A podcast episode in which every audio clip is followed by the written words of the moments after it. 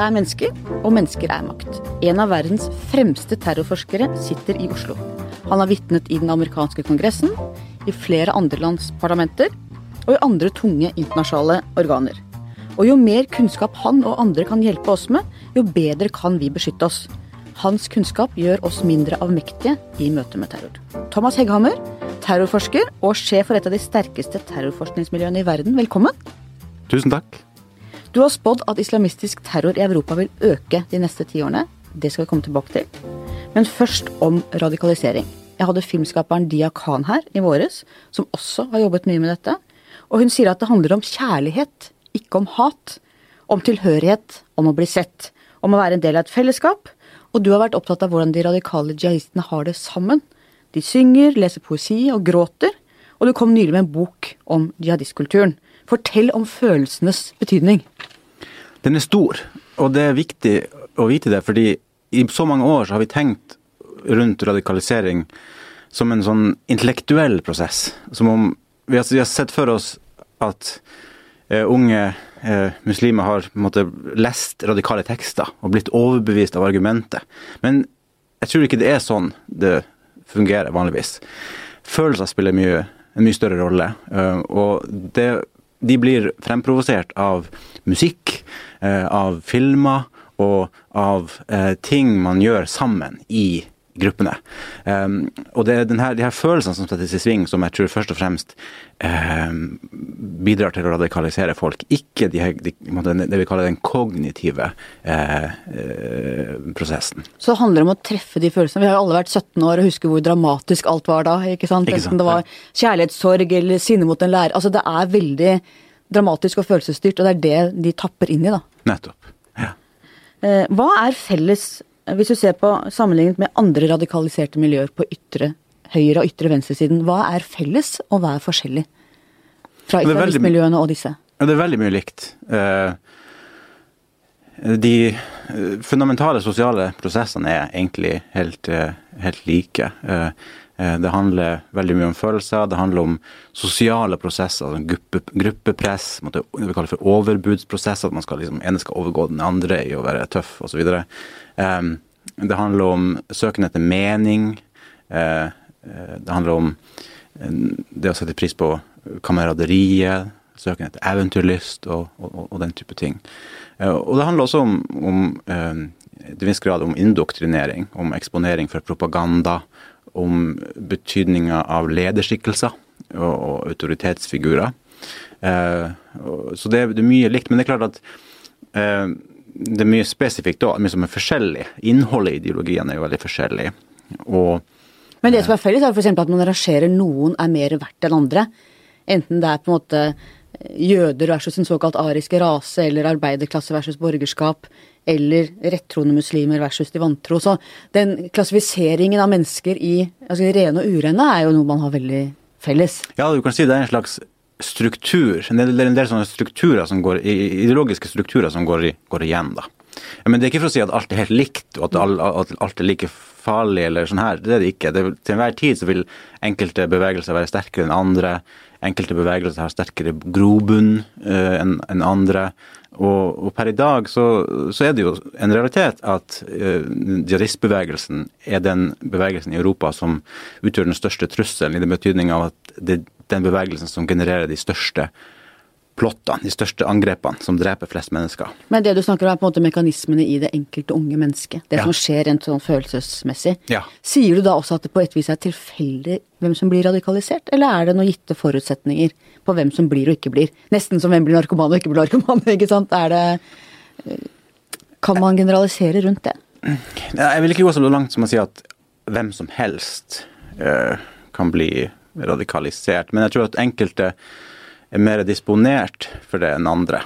Um, nå skal vi si at Vi vet ikke så veldig godt uh, hva som forårsaker radikalisering, egentlig. Vi vet veldig mye om hvem som er radikalisert, hvordan de er blitt det, men de fundamentale årsakene kjenner vi ikke. Og det har med samfunnsvitenskapelige, metodiske begrensninger å, å gjøre.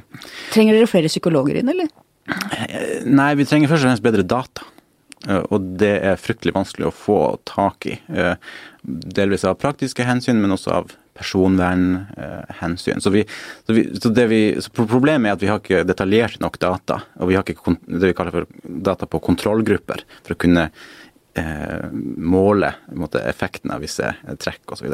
Ligger det noen skranker der som hindrer, som man burde oppheve, tenker du, eller?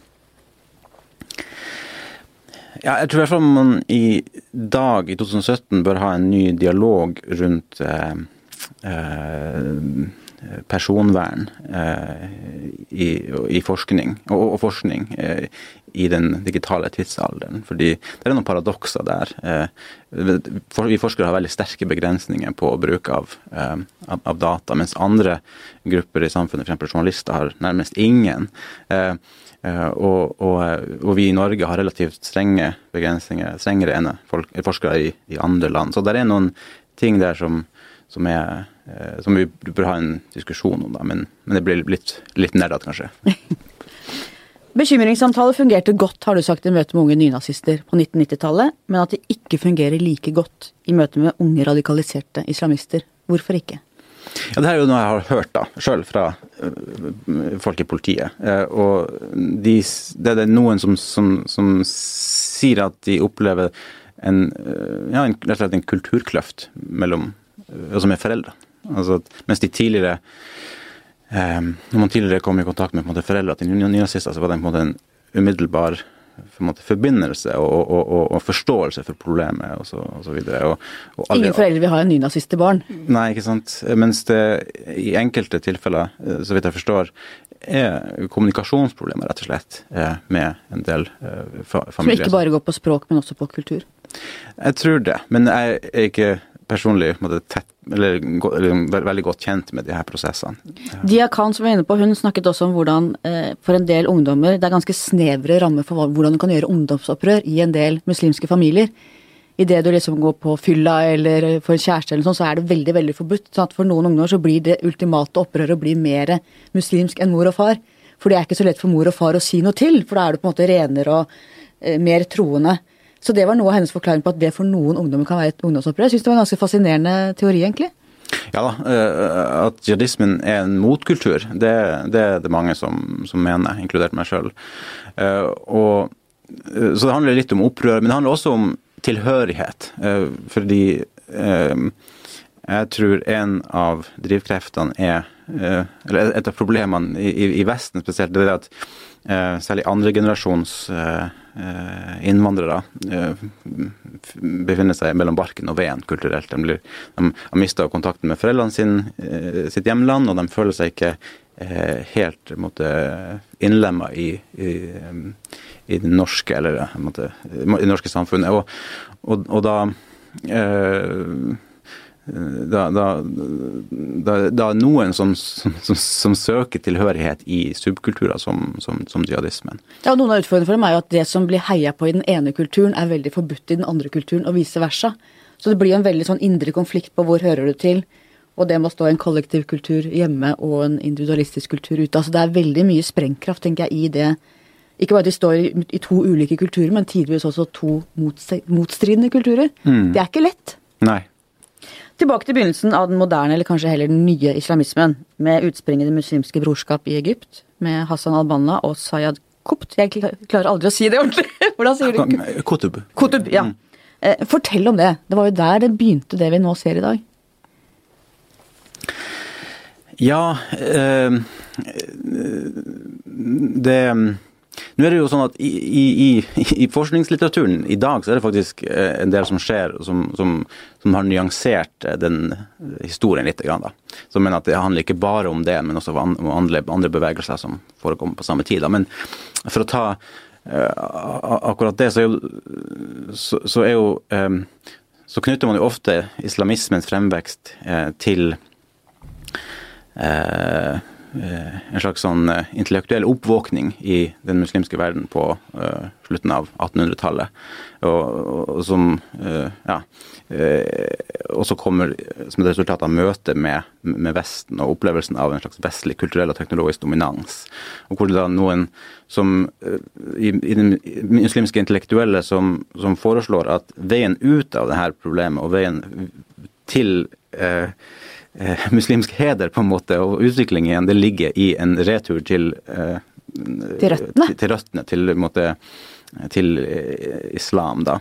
Og, og, og em, så eh, grunnlegger da Hassan al-Banna en organisasjon som han kaller for Det muslimske brorskap, som søker å eh, ja, eh, skape en bevissthet i befolkningen om, om, eh, om det her. Eh, Men så, eh, etter hvert utover i det, i det 20. århundre, så eh, eh, måtte appliseres denne ideen om at islam kan løse ting, eh, til masse forskjellige politiske situasjoner. Men det blir en politisk ideologi Ja, fra å være en religion. ja, nettopp. Eh, Men, men det som skjer er at den, den brukes til masse forskjellige ting. Så, så, så, så at mange forskjellige politiske kamper blir pakka inn i på måte, islamsk eh, en, islamsk, en islamistisk drakt. da. Sånn at kampen mot eh, eh, Sånn, mot kolonimaktene, f.eks., eh, kan bli, bli, bli presentert som en islamistisk kamp. Eller etter kolonitida, kampen mot de brutale, sekulære arabiske regimene eh, eh, legitimeres med islamisme. Eller senere eh, kampen mot eh, israelsk okkupasjon i Palestina eller afghansk okkupasjon i Sovjetunionen blir legitimert eh, og, og presentert som en islamistisk kamp. Og senere på 90-tallet kampen mot, altså en antiimperialistisk kamp mot Vesten og USA blir pakka inn i islamsk eh, form. Altså, på- på- det Handler det om at det var den, den formen for, eh, for opposisjon det var vanskeligst å undertrykke for en del av disse møkkaregimene? Ja, det har nok noe med det at den, si, den, den, den med mest kulturell autentisitet, det er den som er vanskelig å avfeie som importert. Eh, Den er lettest å selge som, som, som innfødt, eller liksom den ekte eh, måte, ideologiske familien. da. Alt annet, altså venstreradikalisme, som man jo hadde en del av i Midtøsten Du hadde en eh, sosialisme der. ja, men, men, men måte, i, når det da ble en konkurranse på 70-tallet mellom islamister og, og, og, og venstreaktivister, så tapte de venstreaktivistene antageligvis delvis eh, fordi at eh, det var en importert ideologi eh, sammenligna med islamister. Så kom vi til 1979, som er et avgjørende år. Et vendepunkt må si, i vår moderne historie. Hva skjedde da? Og mange ting. Mange forskjellige steder. Det er jo skrevet eh, minst én bok bare om året 1979 eh, av den grunn. Eh, Noen sier at revolusjonene da er mer formende for den tiden vi lever i nå, enn 1917 i Russland. Ja, det kan man kanskje si. Det viktigste som skjer, er jo den iranske revolusjonen, som blir den første på en måte, vellykkede eh, islamistiske eh, prosjektet. Eh, og den inspirerer, til tross for at den iranske revolusjonen eh, eh, skjer innenfor shia-islam, som jo er en litt egen verden fra, fra sunni-islam, så inspirerer den mange sunni-islamister rundt omkring i Midtøsten. Ja, Den viste at det var mulig. Ja, nettopp. Eh, og og den, den, den, ja, den, den, den gir ytterligere energi til en bevegelse som allerede er under oppsving eh, på, på, på slutten av, av 70-tallet. Og det som også skjer, er jo selvfølgelig at eh, Sovjetunionen eh, intervenerer i, i Afghanistan. Og som eh, skaper en veldig sånn tydelig en, en konflikt hvor, hvor, som de aller fleste muslimer oppfatter som en, som en illegitim intervensjon en okkupasjon. Og, og, og, for mange eh, en, et helt sånn klart, klokkeklart eksempel på en legitim jihad. Og, og, og eh, man får en veldig sterk eh, islamistisk opprørsbevegelse i Afghanistan, og man får den første store fremmedkrigermobiliseringa eh, fra den arabiske verden til, til Afghanistan for å hjelpe de afghanske mujahedin. Og det er jo ut av denne gryta, da, eh, møtes, det her møtestedet på, i Afghanistan på 80-tallet, at de fleste eh, jihadistgruppen som vi kjenner i dag, eh, oppstår. da, spesielt Ikke minst Al Qaida. Og det var vel ganske bekvemt for Saudi-Arabia også å pælme en del av de folka, få sendt en del av de folka til Afghanistan, for da var det også den store moskeen i Mekka som ble okkupert av jihadister, eller av islamister. Plutselig så var det jo helt Skjønte jo saudi-araberne hva de hadde fostra opp i sitt land av islamister og Ja, og det som skjedde også da i Saudi-Arabia, var jo at en sånn, en sånn apokalyptisk, en sånn dommedagssekt tok over Mekka-moskeen. Uh, og det var et stort sjokk for regimet. Ikke fordi at det representerte en stor opposisjon, men, bare, men, men uh, fordi det var så veldig overraskende.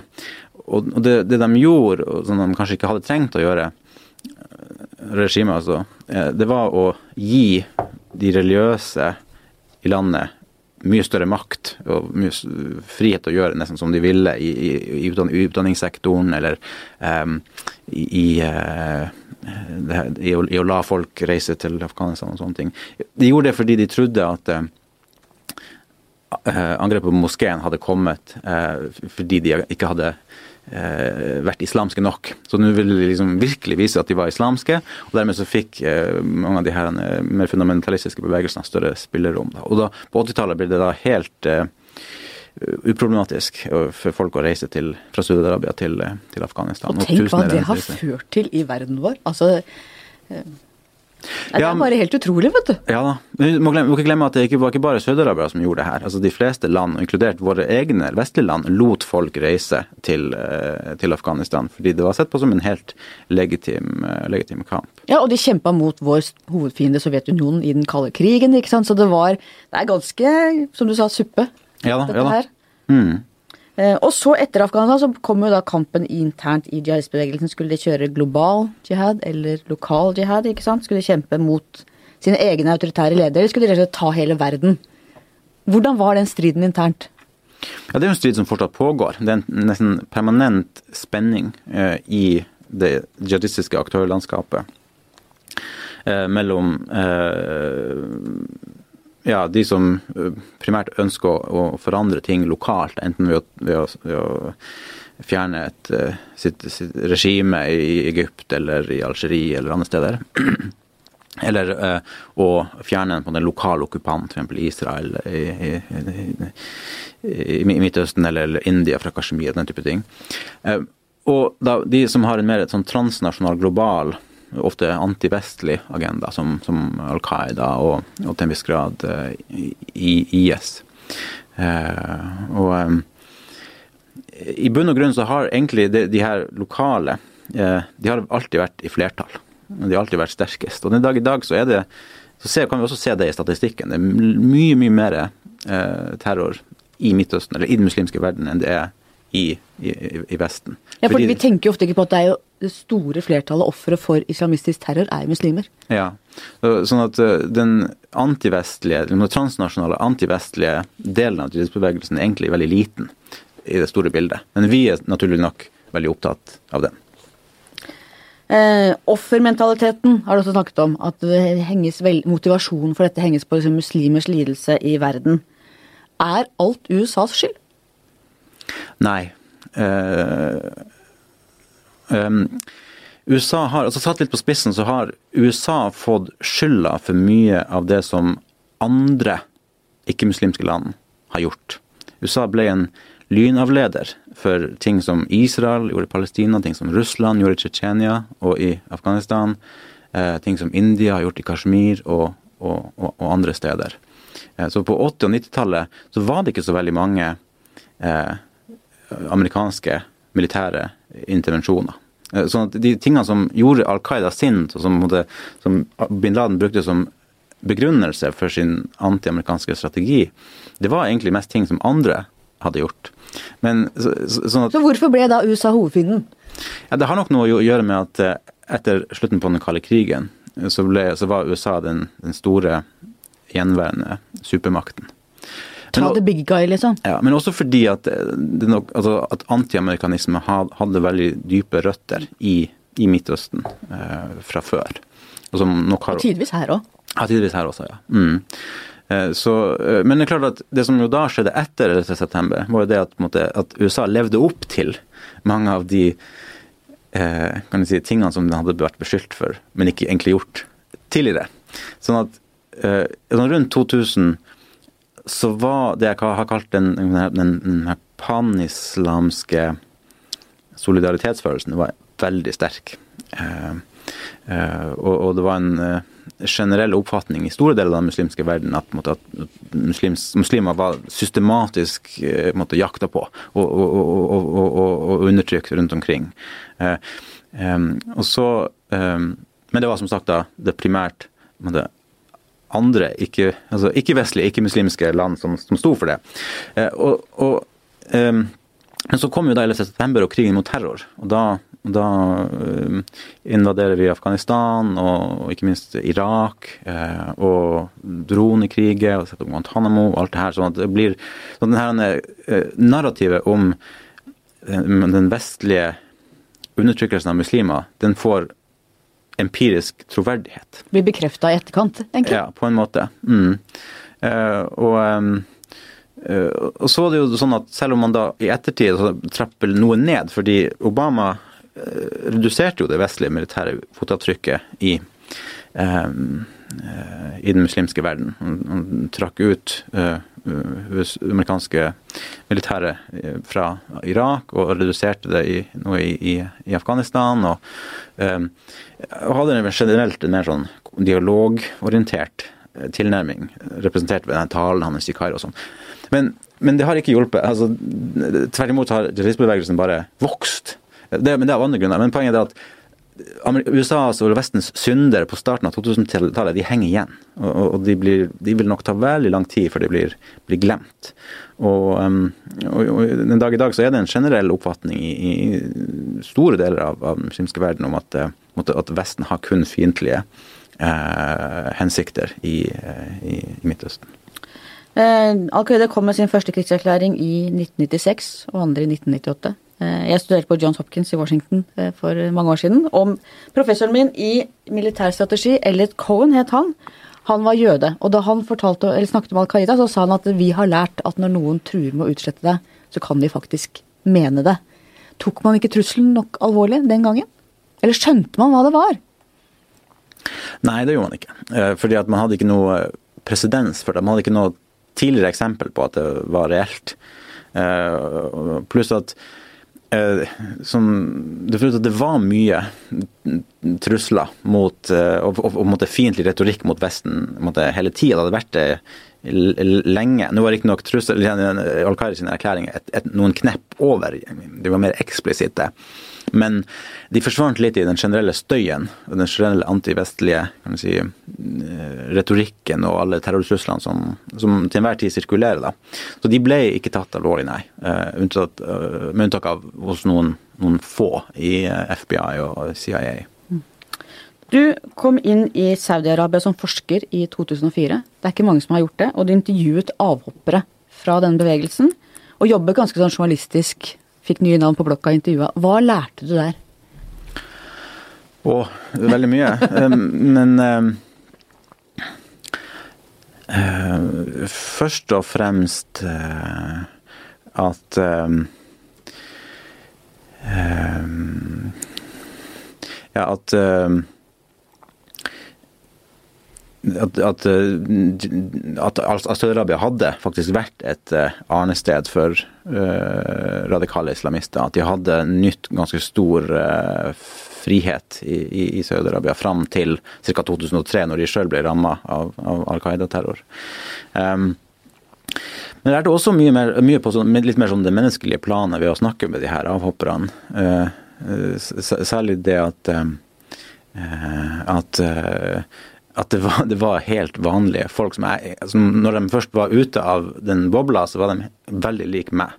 Uh, ganske sånn uh, De var kanskje ikke representative, de her, da, men, de, men de var uansett uh, ganske sånn intellektuelt anlagt. Var, som, var bokfolk som likte å lese og som likte å tenke sjøl. Og, og, og, og, som når de kom ut av bevegelsen, så, så, så, begynte de å lese masse måte, vestlig litteratur, og de så, så, så dokumentarer og film og alt mulig, orienterte seg fort måte, i en slags ja, mer sånn vestlig orientert liberal tradisjon. Da. Så, og så de annerledes på Vesten etter det? Ja, helt annerledes. Så, så, men, men, Hvordan forklarte de sin egen både veien inn og veien ut? Ja, veien, um, veien ut hadde vært i, i fengselet. Altså de hadde, uh, de hadde, de hadde ganske, levd ganske sånn isolerte liv da, i, i, i en boble, rett og slett, i, i, i sånne radikale grupper. Eh, hvor de ikke de var, så, de var, så, konservative, så de leste ikke aviser eller bøker og, og sånn. da.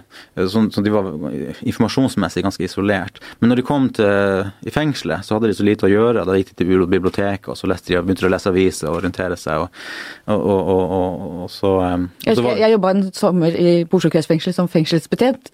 Og da husker jeg høydepunktet hver uke var når vi gikk på biblioteket ja. og henta bøker. ikke sant? Innsatte i fengsel leser utrolig mye. Mm, ja, ikke sant. Eh, det har skjedd nok her òg. Så, så, det var for mange av de et sånn, et sånn uh, vendepunkt. Så, så, så, det var veldig, veldig interessant. Uh, men det var også det var mye annet som sagt lærte. Noe av det mest kontraintuitive, og egentlig også hvor, hvor relativt fritt det var i, i Sør-Arabia innenfor visse grenser. Så det var ikke en politistat på linje med Syria eller, eller Egypt på, på, den tida. Det var sterk sosial kontroll, men, men, men, men regimet drev ikke med sånn, sånn kjempetett overvåkning og massearrestasjoner og ust, veldig utstrakt bruk av tortur og den type ting vi ser i de her i arabiske republikkene. Det har vært, en mye mer sånn hands off uh, måte å kontrollere befolkningen på. Er det fordi det er sterkere sosial kontroll, eller? Ja, det er nok det. Uh, og fordi at de har andre midler som penger til å måtte kjøpe seg politisk og sosial ro da på. Så, eh, så, som forsker så var det fantastisk, fordi at eh, jeg kunne operere, eller gå rundt mye friere. Eh, og så var du mann. Jeg har nemlig vært der som kvinne, og da kan du ikke gå fritt rundt. Nei, men eh, selv mine kvinnelige forskerkollegaer som har gjort feltarbeid der, sier at det er relativt greit. Altså det, det, er komplisert med transport og sånn, men de fleste snakker mm. med, med deg for, for, for, det. da. Så, så, så, det var forbøsende lett da, å gjøre feltarbeid i Saudi-Arabia i 2004-2005-2006. Den saudiske pakten, altså at de religiøse lederne setter regler for hvordan menneskene skal leve livet, mens kongefamilien har makten og pengene og eh, går tilbake til 1700-tallet, ikke sant. På denne ørkenen hvor de fant sammen religiøs leder og politisk leder. Og wahhabismen eh, har jo da sponsa moskeer og religiøse kultursentre over hele verden. Hvor viktig har det vært i den radikaliseringsprosessen vi har sett i mange også europeiske land? Det vet vi egentlig ikke. Uh, det er et av de store de uavklarte spørsmålene. Denne sammenhengen mellom eh, altså det, vi kan kalle, det vi kaller for sosial konservatisme. For Det er jo det wahhabismen i bunn og grunn representerer. En sånn, eh, de preker en sånn veldig puritansk eh, form for islam, men som er liksom konsentrert om liksom, personlig atferd. De nære ting. Nære ting, på en måte. Hvordan man skal kle seg, hvordan man skal oppføre seg osv. Men den preker også en ekstrem politisk lydighet, eller sier at man skal ikke beskjeftige seg med politikk. Det skal man overlate til herskeren. Det er jo den pakten da, som de laga den gangen, ikke sant? Sånn at, eh, så det som eh, prekes i de fleste av de her sørdispanske eh, moskeene og i lærebøkene, sånn, det er den type sånn ultrakonservativ, men apolitisk islam. Men så er spørsmålet kan det være en sammenheng mellom den her sosiale ultrakonservatismen og den politiske radikalismen eh, som vi jo ser eh, eh, rundt omkring, og, som, ofte sammenfaller med de områdene hvor den wahhabitiske innflytelsen har vært, har vært, sterk. Der pågår det forsk forskning nå som jeg tror kanskje vil, vil eh, få rydda litt opp i det der. Men jeg har jo en magefølelse om at det er en sammenheng, og at, og at det er en sammenheng mellom sosial konservatisme og politisk radikalisme. Og at vi skal ikke kimse med grupper som, som eh, ja, F.eks. i Norge, da, som eksempel Islam Nett eh, og, og, andre sånne, eh, mer sånn salafistisk orienterte grupper som, som, som er relativt apolitiske, som, som, som uh, sier at man skal ikke reise til Syria og slåss, eller, eller ja, sånne ting. Men som, som, som, som forfekter en, en, veldig konservativ tolkning av, av islam. Forklar hva salafist er. En, salafisme, salafisme er et slags paraplybegrep for veldig bokstavtro islam. Og, og den saudiske wahhabismen er en underkategori av salafisme. Eh, og, um, så, så, den representerer på en måte den ekstreme sosiale konservatismen. Vi hadde jo Islamnets leder her i debatt med litt Syvi Listhaug i valgkampen. Hvor han da, som, del, som, de, alle de ikke De vil jo ikke ta oss kvinner i hånden. Og jeg kjenner at det Jeg blir virkelig ganske opprørt over det, og hele det kvinnesynet og delte dører, og tenker at det, det hører ikke hjemme i Norge. Ja, det kan man si, men på en, måte, på, på en måte kan man si at det er altså Hvorvidt vi, hvorvidt vi er på en måte komfortable med det, hvorvidt vi syns det er liksom rett eller feil, det er én ting. Det er en normativ diskusjon som, som, jeg har mening om. Jeg trenger liksom ikke som forsker å engasjere meg i. Det som jeg som forsker er interessert i, det er jo liksom, hva er sammenhengen med vold? Hva er er det? Radikalisering. Er det noen Det er åpenbart ikke det samme som jihadisme, for de, sier, de jobber mot uh, jihadisme, og de, de, de, tar avstand fra, fra, fra, vold. Men så er spørsmålet er det noen indirekte uh, mekanismer her. Kan det være f.eks. at mer sosial konservatisme fører til større sosial isolasjon? Fører for eksempel, eller fører til at en sånn følelse av eksklusjon eller følelse av motsetningsforhold mellom muslimer som gruppe og storsamfunnet som gruppe. Og det, avstand, rett og slett. Avstand, rett og slett. Og det senere kan gjøre det lettere for radikale ideologier å få fotfeste. Jeg tror det er noen sånne, sånne feedback loops der som ikke er, er, er gunstig. Så, så, så, fra et sånt antiradikaliseringsståsted så er jeg bekymra for fremveksten av eh, ekstrem eh, sosial konservatisme i, i, i muslimske miljøer. Hvordan skal vi forholde oss til grupper og ideologier som ønsker å gå 1400 år tilbake i tid, og som da ikke tolker reglene fra den gangen i den tidens kontekst? Altså Noe av det Muhammed sa, var f.eks. at arve, kvinner skulle arve halvparten av menn. Kvinner hadde ikke arverett den gangen. ikke sant? Og du skal slå kona di forsiktig i en tid hvor de dengte konene veldig. Altså, Mennesker som da tar de tingene bokstavelig uten å se at vi er en helt annen tid. Hvordan skal vi forholde oss til både menneskene som står for det, og den ideologien og tankegangen? Ja, det er jo et av vår tids store spørsmål. Um, jeg har ikke noe, noe klart og enkelt uh, svar på det, annet enn at uh, uh, vi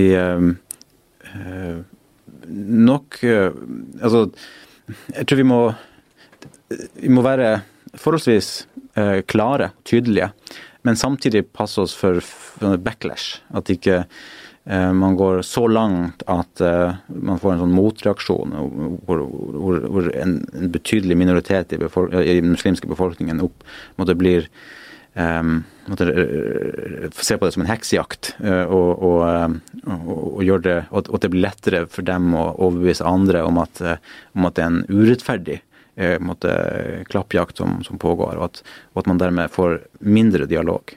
Um, jeg syns det er en vanskelig balanse. for Vi skriver jo ofte ledere også hvor vi sier sant, at dette er en kamp eh, muslimske nordmenn selv må ta i sine miljøer. For det mener jeg veldig sterkt. Samtidig er det noen som da sier at men hvordan kan du ansvarliggjøre meg?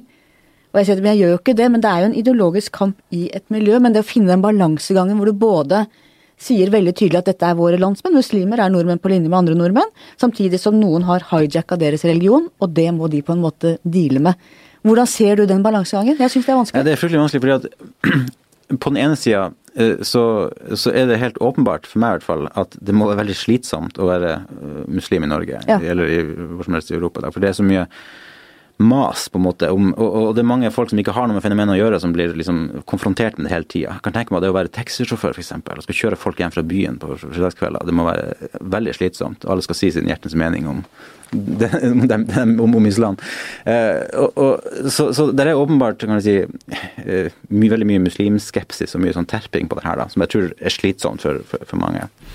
Um, og det er også selvfølgelig eh, mer ekstreme former for muslimhat, som gir seg uttrykk i diskriminering og, og, og, og hets og vold. Kommentarfeltene er jo, renner jo tidvis over av virkelig gufne ting. Ja da, men også vold. altså Vi har nå begynt å få bomber mot moskeer i Sverige og England og sånn.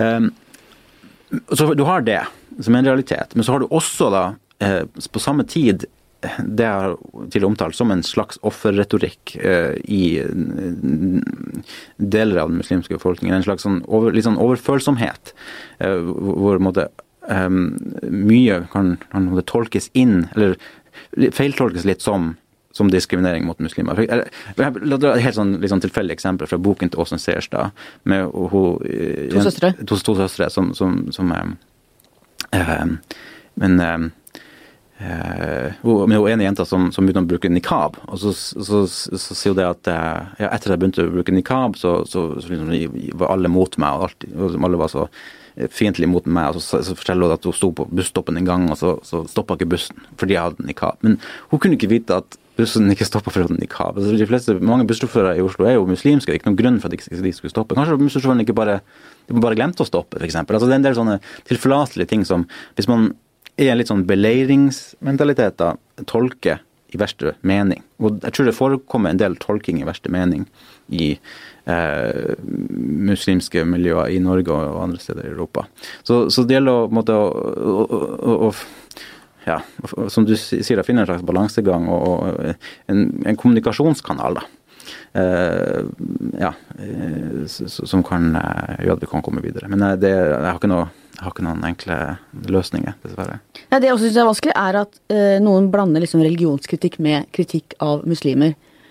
og det jeg opplever som et problem også, er at det stort sett er høyresida, ytre høyre, som driver religionskritikk mot islam. Mens jo venstresida alltid har drevet mye religionskritikk mot kristendommen. Og idet man da, som jeg har gjort flere ganger, kritisert islam for kvinnesyn og sånn, så kan man lett bli klistra til den høyresiden som man slett ikke hører hjemme på. At det rommet blir veldig smalt, da. Dette har jeg snakka med eh, fremstående politikere på venstresida om og sagt at man må jo kunne kritisere religiøse dogmer og kvinneundertrykkende teser like fritt som man diskuterer andre typer religioner eller ideologier. Eh, og jeg er litt urolig over det debattklimaet som blir rundt disse spørsmålene. Hva tenker du om det? Jo da, det er polarisering måte, blant ikke-muslimene på dette feltet. Selv om jeg har inntrykk av at vi er kommet til et godt stykke, eh, spesielt i, i, i, Norge. Det som er bra med Norge, er at det er så lite. At det er kort avstand mellom ytterpunktene i, i den polariserte debatten. Det som skjer i andre land, USA, England, Frankrike til en viss grad, det er at de er så store at ytterpunktene snakker ikke med hverandre lenger. sånn at de fleste, Jeg ser det på min egen Facebook-feed. Det er mye mer dialog blant uh, høyre og venstre blant mine norske venner enn det er blant mine utenlandske venner. Fordi mine utenlandske venstre, venner på venstresiden de, de, har, de, har, nesten ingen kontakt overhodet med folk med, med konservative personer, og vice versa. Sånn at vi i Norge er ganske, ganske eh, bra stilt sånn sett, da. Det er helt enig Jeg tenker vi har hatt en god debatt også, og har, om integrering også. Du ser Svenskene som jeg mener har vært altfor naive og ikke snakka om noe som er vanskelig, mens danskene har kjørt det for brutalt. Mens jeg mener at vi ligger et sted på et ganske ålreit sted egentlig i midten der. Ja, og eh, norske muslimer har mye av æren for det. Fordi at uh, i f.eks. Sverige så har man en del sånne, det jeg vil kalle sånn uh, identitetsaktivister som, som, som, som uh, står veldig hardt på den her, litt den um, offermentaliteten som er, som er beskrevet tidligere. Eh, og, og, måtte, som jeg vil hevde kanskje har gått litt langt i måtte, bruken, altså, bruken av uh, diagnosen islamofobi. Vi bruker det mye forskjellig.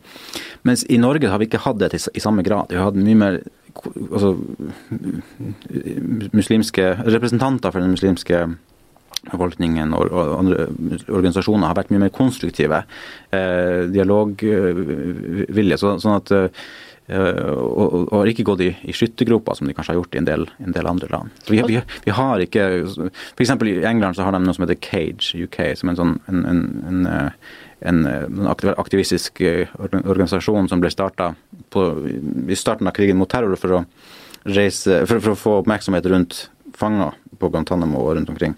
Men det de er blitt en sånn en, en, en, en organisasjon som eh, som står veldig på Som, som, som sprer et narrativ da, om, at, om at storsamfunnet med staten, den britiske staten i spissen står for en sånn systematisk undertrykkelse av muslimer og, bruker, altså at, og at terrorlovgivning bare er et påskudd. Uh, uh, og at den terroren man har, er egentlig statens egen feil. på en måte. Den type retorikk har vi ikke vært i nærheten av å se her, da, og det er veldig positivt. Og så tenker jeg også at Noen av de unge jentene som sto fram på begynnelsen av 2000-tallet, eh, Shabana Rehman, Kadra, Zainab, en del av de som på en måte også sto opp mot hva skal si, kulturrelativistiske eh, akademikere på Blindern, og tok sin historie og sa at dette er mitt liv, nå må vi snakke om hvordan jeg har det, at det også har vært utrolig viktig i Norge.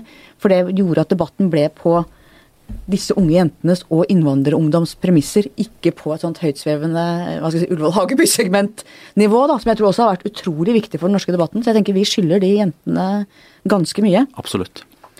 Eh, tror du det er mulig med en eh, reformasjon i islam? Og tror du i så fall at det vil skjerpe frontene ytterligere, eller at det vil bringe den delen av verden videre?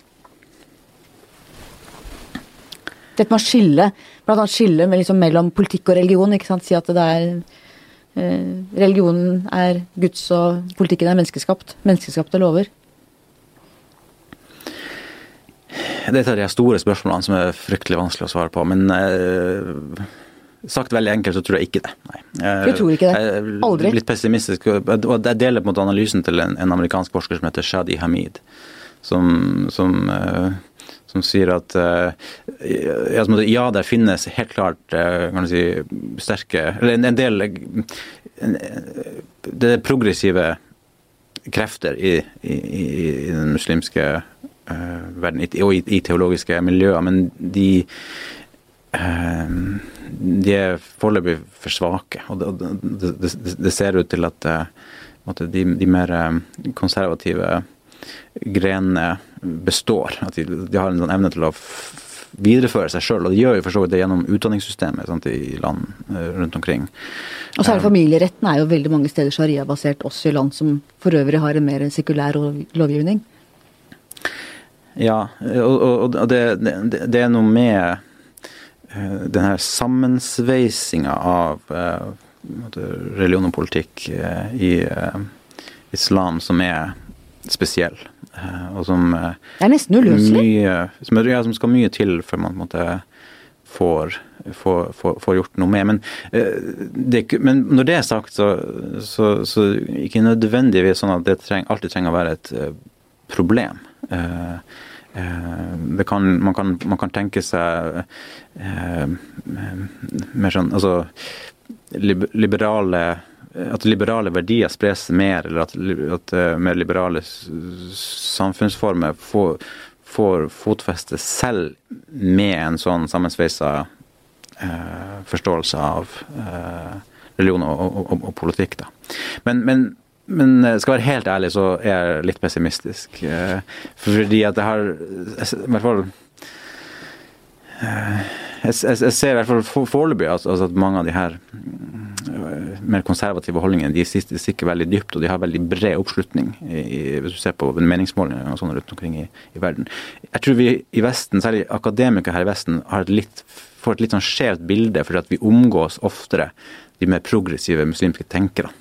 De, mange av dem bor i Vesten. Eh, de er, de er en del av akademia. Eller, og de er fordi de har det progressive, de oppfattes de som interessante av journalister og andre, og de får relativt stor plass da. Mens liksom Stikk fingeren i jorda ser på meningsmålinger, liksom, hva folk flest mener rundt omkring, eh, så, så er det fortsatt eh, så, veldig mye konservatisme rundt omkring. Jeg hadde håpa så veldig at du skulle svare noe annet på det spørsmålet. Jeg kjente jeg fikk litt sånn søkk i magen, selv om jeg tror kanskje dessverre du har eh, rett. Hvis du ser i Norge, da, islam i Norge, eh, hvor viktig tenker du at en mann som legen og forfatteren Osman Rana er? Han har også vært her hos meg. Han har snakket om brann i islams hus og har skrevet bok om islam på norsk. Hva, tenk, hva betyr det for muslimske miljøer i Norge, tenker du? Jeg vet ikke. Jeg, jeg, jeg har ikke jeg har selv ikke forska så mye på islam i Norge. Uh, og jeg tror det er andre folk som kan mye mer om det enn en, en, en meg. Uh, så um, uh, Men det er klart at altså, i prinsippet så er jo ja alle, alle, alle, sånne potensielle kommunikasjonskanaler på en måte positive. Så um, Men han satt jo her, og det var eneste gang det ble litt hot mellom oss to. For han satt jo og klarte ikke å ta ordentlig avstand fra steining av homofile. Altså han av selve skriftstedet. Han var veldig sånn 'det vil ikke skje her', og, Men han klarte ikke å si at nei, det er feil. ikke sant? Han var, der var han fortsatt bundet. Jeg kjente at da kokte det litt hos meg. Så selv en moderne mann som han, som er sosialkonservativ troende muslim, men som er demokrat og for rettsstaten er en veldig bra fyr Når selv han på en måte ikke helt klarte å gå det siste skrittet, så kjente jeg nei, er det mulig? Ja. La oss snakke litt om deg. Vokste opp i Narvik. Faren din var sveiser. Fortell meg. det. Jo da. Han øh, lever i beste velgående i dag. Uh, han er pensjonert. Uh, tredje generasjon uh, jernbanearbeider på hjørnesteinsbedriften LKAB i Narvik, som driver med malmtransport fra Kiruna til, til Narvik, som er nærmeste isfrie havn. da. Og Der har jeg sjøl jobba på somrene som student eh, med å legge, legge spor.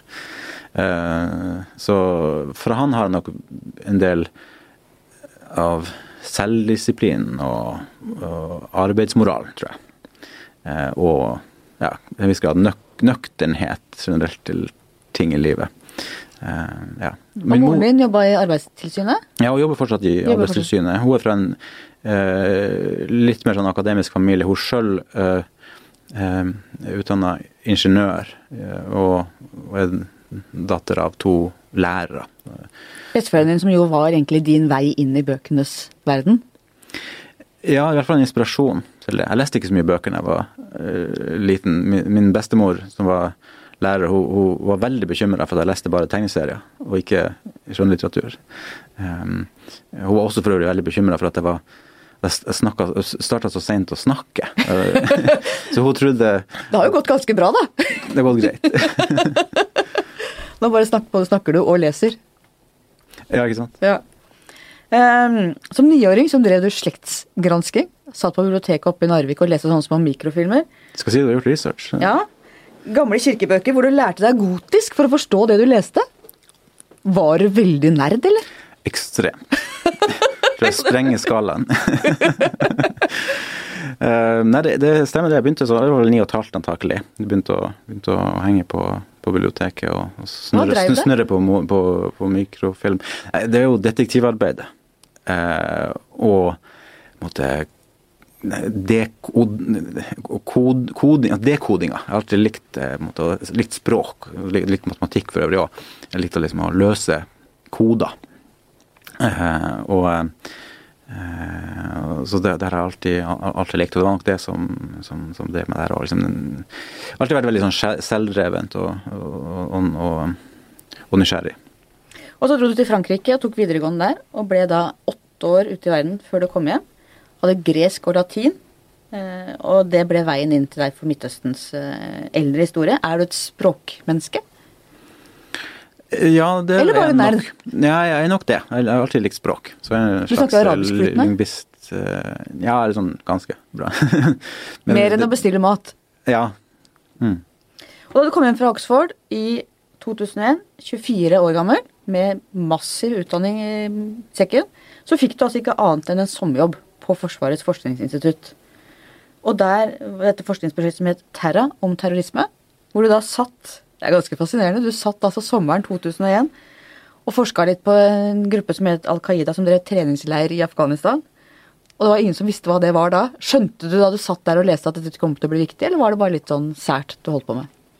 Nei, jeg skjønte ikke det da. Og jeg lurte litt på hvorfor, uh, hvorfor uh, vi gjorde det her egentlig. Og, og uh, jeg hadde planer hadde ikke planer om å bli forsker, egentlig, når jeg begynte der. Det var bare en sånn For meg bare en måte å få arbeidserfaring på. Eh, jeg hadde egentlig tenkt å reise til Kairo og, og, jobbe litt som journalist, eh, men eh, det skjedde ikke fordi 11. september skjedde jo. Og, og da var det plutselig veldig, veldig viktig kunnskap, det du satt på? Ja. Mm.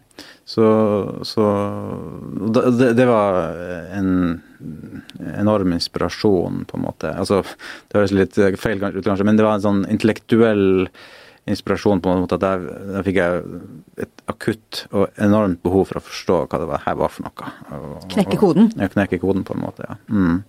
Og, og, og her, siden har jeg gjort det, da. Jeg har gjort bare det. Bare drevet med jødismeforskning hver dag siden. Eh, det har vært en tese om at det var mer terror i Europa før, sier mange, ikke sant. Eh, og at derfor er det ikke så farlig det som skjer nå. Men det liker ikke du at folk sier. Nei, for eh, en del av de som sier det, antyder at mottiltakene er overdrevet. Men det er nettopp pga. Mot alle mottiltakene som vi tar, at antallet gjennomførte aksjoner har kommet ned. Så um, uh, Ikke minst, det som har den største effekten, er jo f.eks. sikkerhetskontroller på, på flyplassen. Som har gjort det nærmest umulig å sprenge bomber på fly eller å kapre fly. Så hvis man ser på de store, de dødeligste aksjonene i Europa på 70- og 80-tallet, så var de fleste knytta til luftfart. Sånn så vi kan tenke oss, Hvis det var like lett i dag å sprenge fly som det var på 70-80-tallet, ja, da er jeg temmelig sikker på at det hadde, det hadde eh, eksplodert fly eh, titt og ofte. Fordi lite som tyder på at IS og Al Qaida har, mindre, har, har, svakere intensjon om å lage masse død enn de gruppene som vi hadde da. De legger ikke bånd på seg? Nei. Sånn at, eh, sånn at, og jeg mener vel at de gruppene som vi står overfor nå, de er de, har, de, de, ønsker oss mer vondt uh, enn de gruppene vi hadde da. Uh, og, og, og, det er primært de hindringene som vi legger i veien med, med etterretning og antiterrorbeskyttelse og, og, sånn, som gjør at det ikke uh, dør flere. Og så er det også noe med at den gangen tidens terror, så var det liksom type IRA i England, du hadde Bade Meinhof i Tyskland, du hadde ETA i Spania. ikke sant, at det var, Mens nå er det tror jeg alle går rundt og føler at det kan skje her nå i vårt land når som helst. Og folk blir litt redde for hverandre, at man lurer på den unge muslimen i naboblokka, er det noe der? altså Plutselig så har du en sånn mistro internt i vårt eget samfunn. Det tenker jeg er mye farligere egentlig enn noe utenfra og langt borte. At det gjør noe med tilliten i vårt samfunn, som er ganske skummelt. Ja, det er jeg enig i. Og der er du inne på et annet viktig poeng, som er at det, volden var mer konsentrert, geografisk konsentrert før. Så det var ingen her i Norge altså På statistikken, hvis du liksom teller for Europa som helhet, ja, det var, det var mer terror. Men, men, det var ingen i Norge som gikk uh, ukentlig og bekymra seg for hva som skulle skje i Vaskeland eller i, i, i, i Belfast. De ble ikke redde hvis de så en tom bag på trikken, liksom? Nei. Og um, det vi også glemmer, er jo hvor utrolig tøffe måtte, midler britene og spanjolene brukte i Nord-Irland og Baskeland. Altså, eh, der satte man jo inn militære, og man hadde eh, jo flere tilfeller av måtte, arrest eh, måtte, uten, uten, lov og dom, og, en del tilfeller av tortur osv.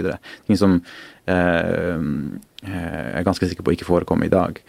Sånn at eh, Eh, en del mener liksom at, altså at denne krig, krig, kampen mot terror har gått for langt, at vi liksom har sikkerhetisert for mye. Men da glemmer de at i, i, gamle, i gamle, dager, når det var et tilsvarende voldsnivå, så, så sikkerhetiserte man enda mye mer. Eh, og, og, hadde en, mye, sånn, egentlig en ganske røffere eh, tilnærming til det hele. I dag så er europeiske måtte, sikkerhetsapparatet temmelig sofistikert og, og, og målretta. Og uh, under uh, måtte, juridisk kontroll.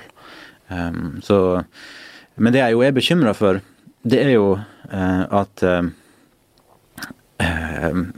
at denne sikkerhetiseringa bare fortsetter. Altså at, at, at, aktivitetsnivået øker hele tida, og, og at vi bare ender opp med veldig store sikkerhetstjenester. Jeg skrev en artikkel om det her i fjor hvor jeg mm, nevnt, trakk frem fire sånne makrotrender som jeg tror driver jeg mener driver måtte, aktivitetsnivået. Og, um, og jeg tror at måtte, vil, vil, Nevn de fire. Ja, de fire det er uh, For det første at det, det er mange flere sånne entreprenører, altså lederskikkelser uh, i jihadistbevegelsen enn det var før. Og det er de som får ting til å skje og nå er det relativt stille fordi at de, er, de, de, fleste av de er i fengsel.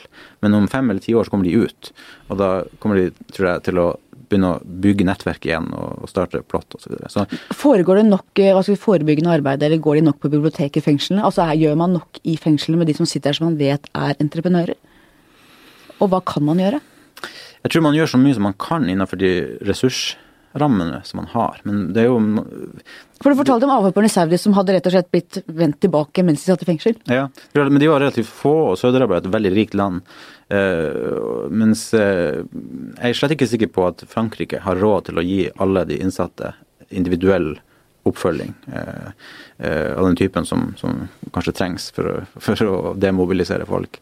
så, så um, um, og så har vi det spesielle med Europa at, at sammenlignet med andre verdensdeler så får folk korte straffer. Altså Den gjennomsnittlige straffeutmålinga for en terrorrelatert sak i eurosonen er på fem til seks år. Burde det være mye høyere, tenker du? Jeg mener, jeg mener nå at eh, vi bør vurdere å øke de.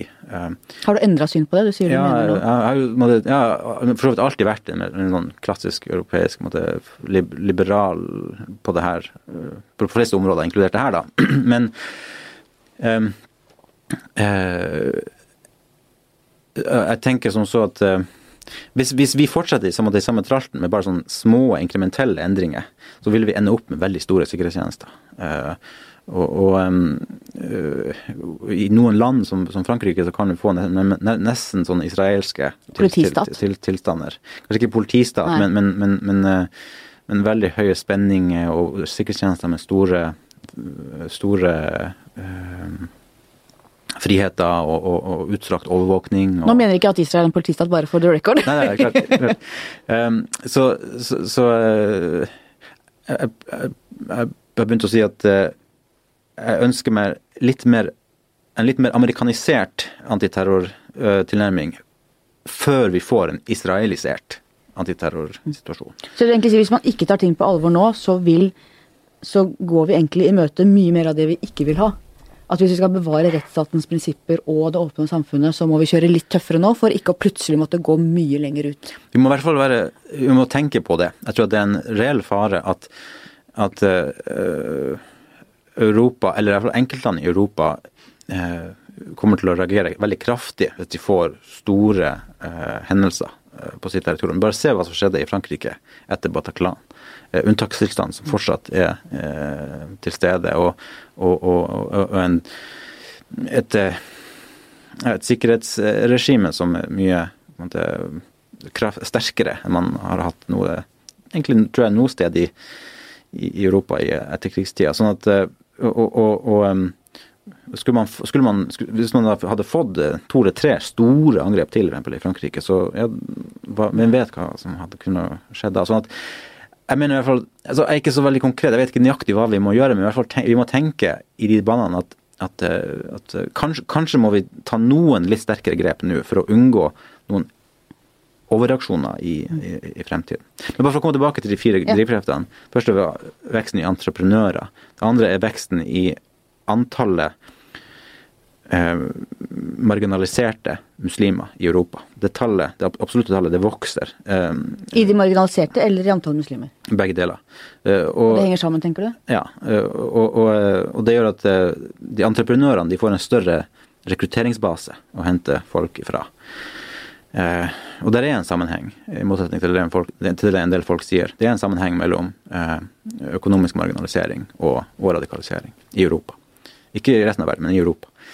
Eh, den tredje faktoren er at eh, den muslimske verden ser fortsatt ut til å forbli urolig. Altså Det kommer til å være konflikter der. Tenker du at det blir en 30-årskrig i Midtøsten før dette blir avklart? Eller en 100-årskrig? Altså er, ser vi Kan vi i vår levetid se at det blir fred og stabilitet og demokrati i Midtøsten? Nei, jeg kan ikke se det, i hvert fall. Um, så det er i hvert fall, Jeg tror det er mer sannsynlig at, at, at, at vi, vil fortsette å ha et høyt konfliktnivå. I hvert fall i en sånn tiårsperspektiv. Eh, det skal bli rolig. Og, de, og de, de, de, her konfliktene er kjempeviktige eh, som drivkrefter som inspirasjonskilder, men også som treningsområder for jihadistene i Europa.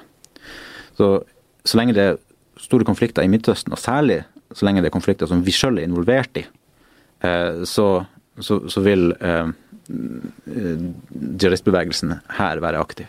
Og den fjerde, det er internett. At Eh, I hvert fall eh, de siste fem-seks årene så, det, så har eh, terrorister nytt veldig stor frihet på nettet.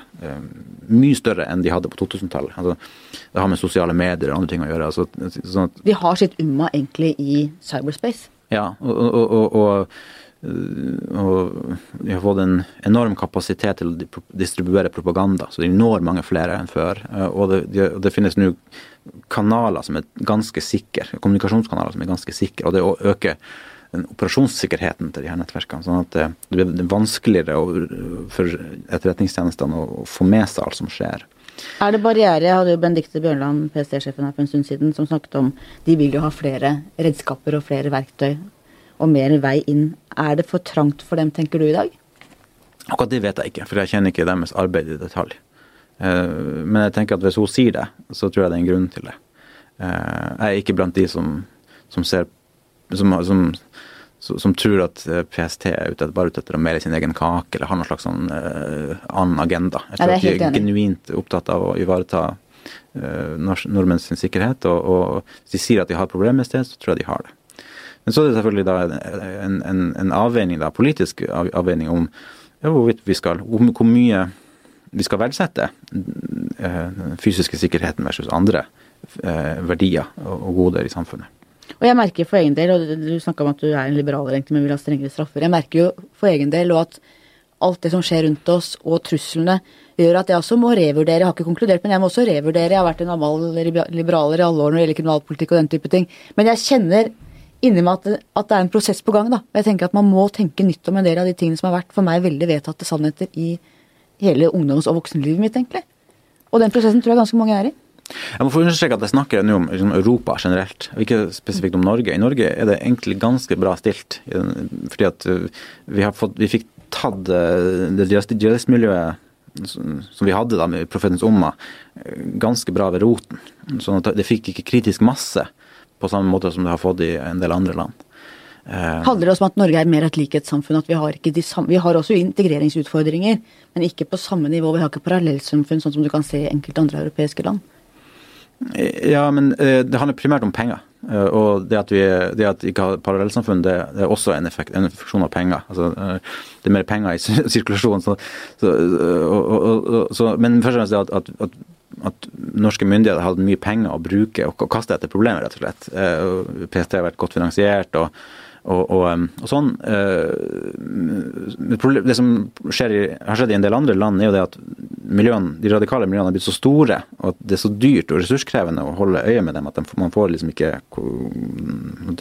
fjerne dem. Sånn da, da, da, tar man bare litt av problemet hele tida. Og når man tar litt av det, f.eks. ved å fengsle en del folk, ja, så, så gjør det bare de andre som er utafor fengselet, mer sinte, og så har man det gående, på en måte. Så, så, og der er vi mye bedre stilt, uh, fordi at uh, vi har fått uh, svekka det organiserte miljøet kraftig. Det betyr ikke at det er helt nede, og det er fortsatt Vi må fortsatt absolutt være på, på vakt. og særlig når, når, de som er i fengsel nå, kommer ut igjen. Men, men, men, men foreløpig så, så, så, har vi ganske bra kontroll, tror jeg. Jeg er derimot mye mer bekymra for Sverige. Ja, Hva tenker du om svenske tilstander? Det er blitt et begrep i valgkampen nå. Hva tenker du om Sverige? Altså Fra sånn terrorperspektiv så er jeg bekymra fordi um, uh, fordi at uh, de har allerede, og kommer sannsynligvis til å få, mer økonomisk utenforskap. Og det tror jeg uh, er en, det, er en sånn faktor som gjør folk mer sårbar for, for radikalisering. I, i, I, tillegg så, så, har jo svenske SEPO sagt at de har eh, nå om lag 2000 eh, radikaliserte islamister. Og det er et så stort antall for et såpass lite land som Sverige at det vil jeg betegne som kritisk masse. Og det er veldig vanskelig å, å få bukt med et sånt miljø når du først har, fått, først har fått en sånn størrelse. Og Hvordan forklarer du fremveksten av det i Sverige? Um, jeg tror det har, det har delvis å gjøre med uh, at eh, de har hatt uh, litt annen type innvandring enn vi har hatt i, i, i Norge. Altså innvandring fra andre land. Uh, fra land hvor jihadistgrupper sto sterkere. flere fra Nord-Afrika, flere fra Palestina og, og, andre steder. Og det har, mens vi her i Norge har hatt i hvert fall inntil nylig innvandring fra deler av den muslimske verden hvor det ikke har vært så mye eh, islamistisk aktivitet. Så, eh, så, så, de hadde flere sånne radikale entreprenører tidlig. Så Sverige har alltid hatt mer terroristaktivitet, helt fra, fra 90-tallet eh, frem til i dag.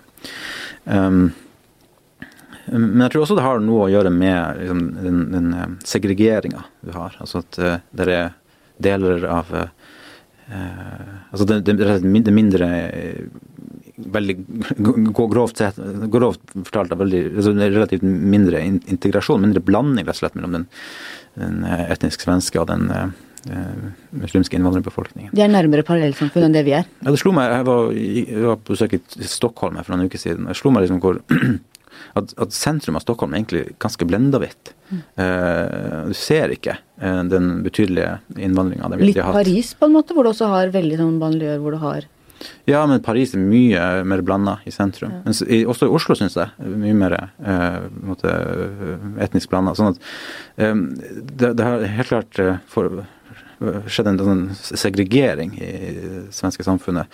Og det, det, det, gjør at um, jeg tror det, det, det, er relativt lett å, å, å, å drive en sånn islamistorganisasjon. Det trenger ikke å være en militant en, det kan være en sånn halv, halvradikal en. Og, og, og, vi ser i dag at det er mye sånn eh, predikantvirksomhet. i Eh, i, i, i, Sverige. Av den type som, som ikke kan kriminaliseres. Som den får operere ganske, ganske fritt. Sånn, sånn, av den ultrasosial, ultrakonservative typen, da. Som vi snakket om i innledningen her, liksom, finne fellesskap, bli sett, det å ha et sted å høre til hvor du, i et samfunn hvor du føler deg litt utestengt. Ja. Det er jo en klassisk oppskrift. Ikke sant. ikke sant. Så øh, Ja, det blant annet altså, For eksempel, du har en, en, predikant i Sverige som heter Anas Khalifa, som er en sånn salafistpredikant, og som, som, som ikke snakker eh, egentlig overhodet om jihad eller om vold og den type ting. Eh, han snakker primært om eh, eh, ja, tro og, og, og, og, det å være en god muslim. og, og måtte, på den ene sida så er noe av det han gjør for så vidt bra. Han snakker liksom mot gjengkultur, han snakker mot uh, narkotikabruk og den type ting. og, og han blir nok kanskje til, i likhet med på samme måte som, som en del kristne grupper har fått en del nordmenn av flasker, så bidrar kanskje han og andre til eh, uh, ja, forbedring da, på kort sikt for en del i i svenske drabantbyer. Men, han, men hvis man hører etter, så, så, snakker han også veldig mye om oss og dem. Han snakker om oss muslimer. Vi muslimer må stå sammen. Og han, han reiser rundt i, i, i de ulike, i ulike moskeer som ofte er sånn etnisk oppdelt. Den tyrkiske moskeen, somaliske moskeen. Og så reiser han rundt i alle de her og så snakker om at nei, dere må slutte å tenke å snakke, vi må slutte å tenke etnisitet. Vi må slutte å dele oss opp i etniske grupper. Vi må snakke om vi må se på oss selv som et folk. og, vi, og, og så, så det er en sånn, sånn han, Og da er det ikke svensker han snakker om? Han snakker ikke om oss svensker, han snakker om oss muslimer. Nettopp. Og, og, og, han, og han, snakker om det veldig mye. Og, han, han, han, har veldig utstrakt eh, foredragsvirksomhet i svenske vantbyer. Og det, det, det, er ofte, eller flere videoer har jeg sett barn på en måte, i, blant tilhørerne osv. Så sånn jeg, jeg, tror at på sikt så vil det her utgjøre en utfordring i Sverige. Da. Jeg er veldig opptatt av integrering, at det er en tosidig affære. At det er krav til de som kommer hit fra andre land, og det er krav til oss som bor her allerede som handler både om eh, bekjempelse av diskriminering på arbeidsmarked, boligmarked, og at de som kommer må ta del i vår samfunnskontrakt på en del sånn grunnleggende eh, verdier. Eh, Hadia Tajik hadde vant denne slagordkonferansen på Politisk kvarter i høst, hvor hun sa at stille krav, stille opp. Så jeg syns det er et ganske sånn godt slagord.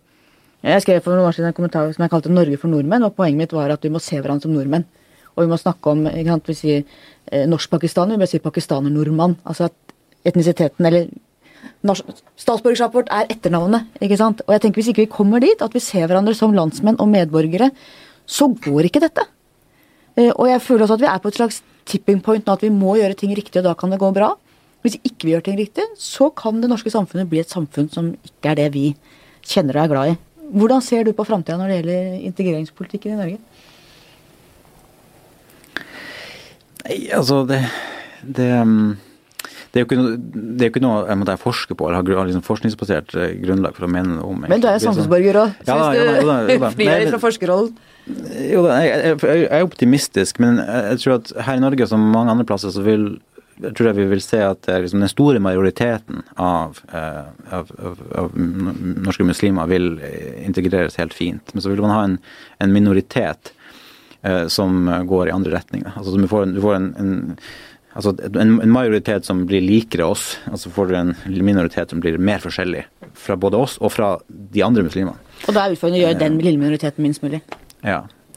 Eh, det, det er utfordringa, da. Så, så, eh, men generelt så er jo eh, en oppskrift og liksom mer, mer empati, mer å sette seg inn i den andre personen sitt um, sin situasjon. Da. Og tenke seg f.eks. hvordan det er å være taxisjåfør som skal kjøre fulle nordmenn hjem på kvelden og skal, som snakker om eh, islam, eller hvordan det er eh, å, å eh, måtte bli møtt med liksom, antakelser om hva man mener hele tida. En sånn liten mustet kan være liksom at jeg tror, jeg syns iallfall det, men mange også vil kanskje reagere på sånne generaliseringer, f.eks. som at alle nordmenn er rasister, alle, alle, nordmenn hater muslimer. Det er åpenbart ikke riktig. og Det, det er, liksom, det er liksom, liksom, frustrerende å høre. Men, øh, og, og, um, men det er jo den samme, opplevelsen tror jeg mange muslimer har når folk sier at alle muslimer er sånn, muslimer er sånn og sånn. Og, så vi må ha, prøve å bare bytte, bytte sko litt, inn, litt innimellom, da. Det kommer Det er i hvert fall ikke usannsynlig at det på et tidspunkt kommer islamistisk terror også til Norge.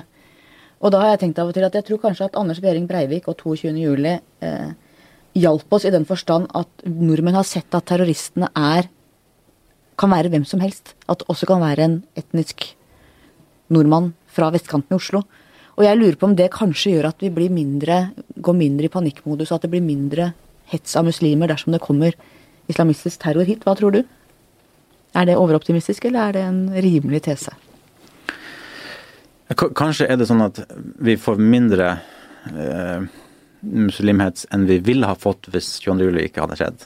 Men jeg, tror fortsatt, jeg er fortsatt pessimistisk. Eh, eh, jeg tror at det er en, det er en, god del som vil, eh, som vil reagere eh, med den type reaksjoner, som, som til en viss grad er forståelig. Og, og alle land eller folkegrupper får en sånn reaksjon, som man får angrep, angrep mot seg.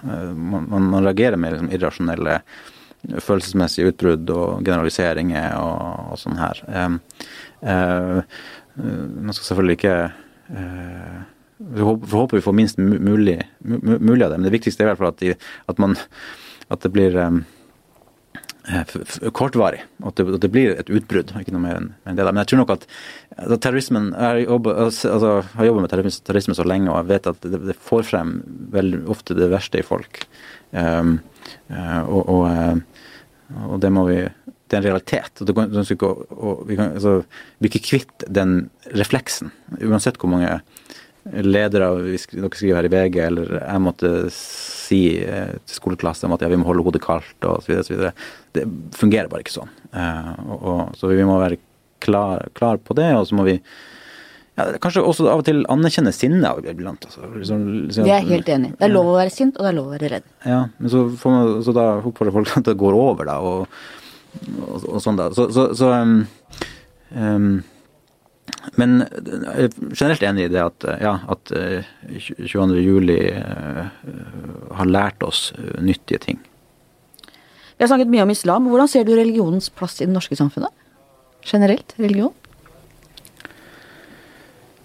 Uh, ja, nei uh, jeg har, jeg har, ikke noe sterke mening om det, egentlig. Og du selv, hva er ditt forhold til religion? Tror du på Gud, f.eks.? Nei, jeg gjør egentlig ikke det.